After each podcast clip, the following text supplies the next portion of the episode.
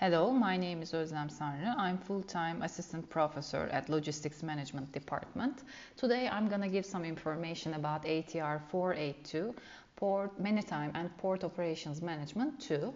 So in this course we are going to ensure a thorough knowledge and understanding of port and terminal management and we're going to also develop uh, some necessary communication skills.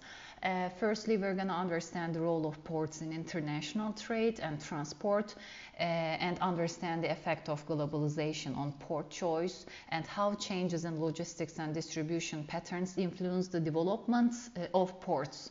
Uh, so we're going to understand the geographic uh, reasons for port locations, understand the different types of ports, understand the enhanced role of ports, and we're going to also be aware of the role of national, regional, and local government in port provision. So throughout this course, we're going to also look at the ships and cargoes, and we're going to learn about the port management, understand the basic rationale of port business. Uh, we're going to understand how ports structure the delivery of services and the relationship between uh, infrastructure, navigation, and handling facilities.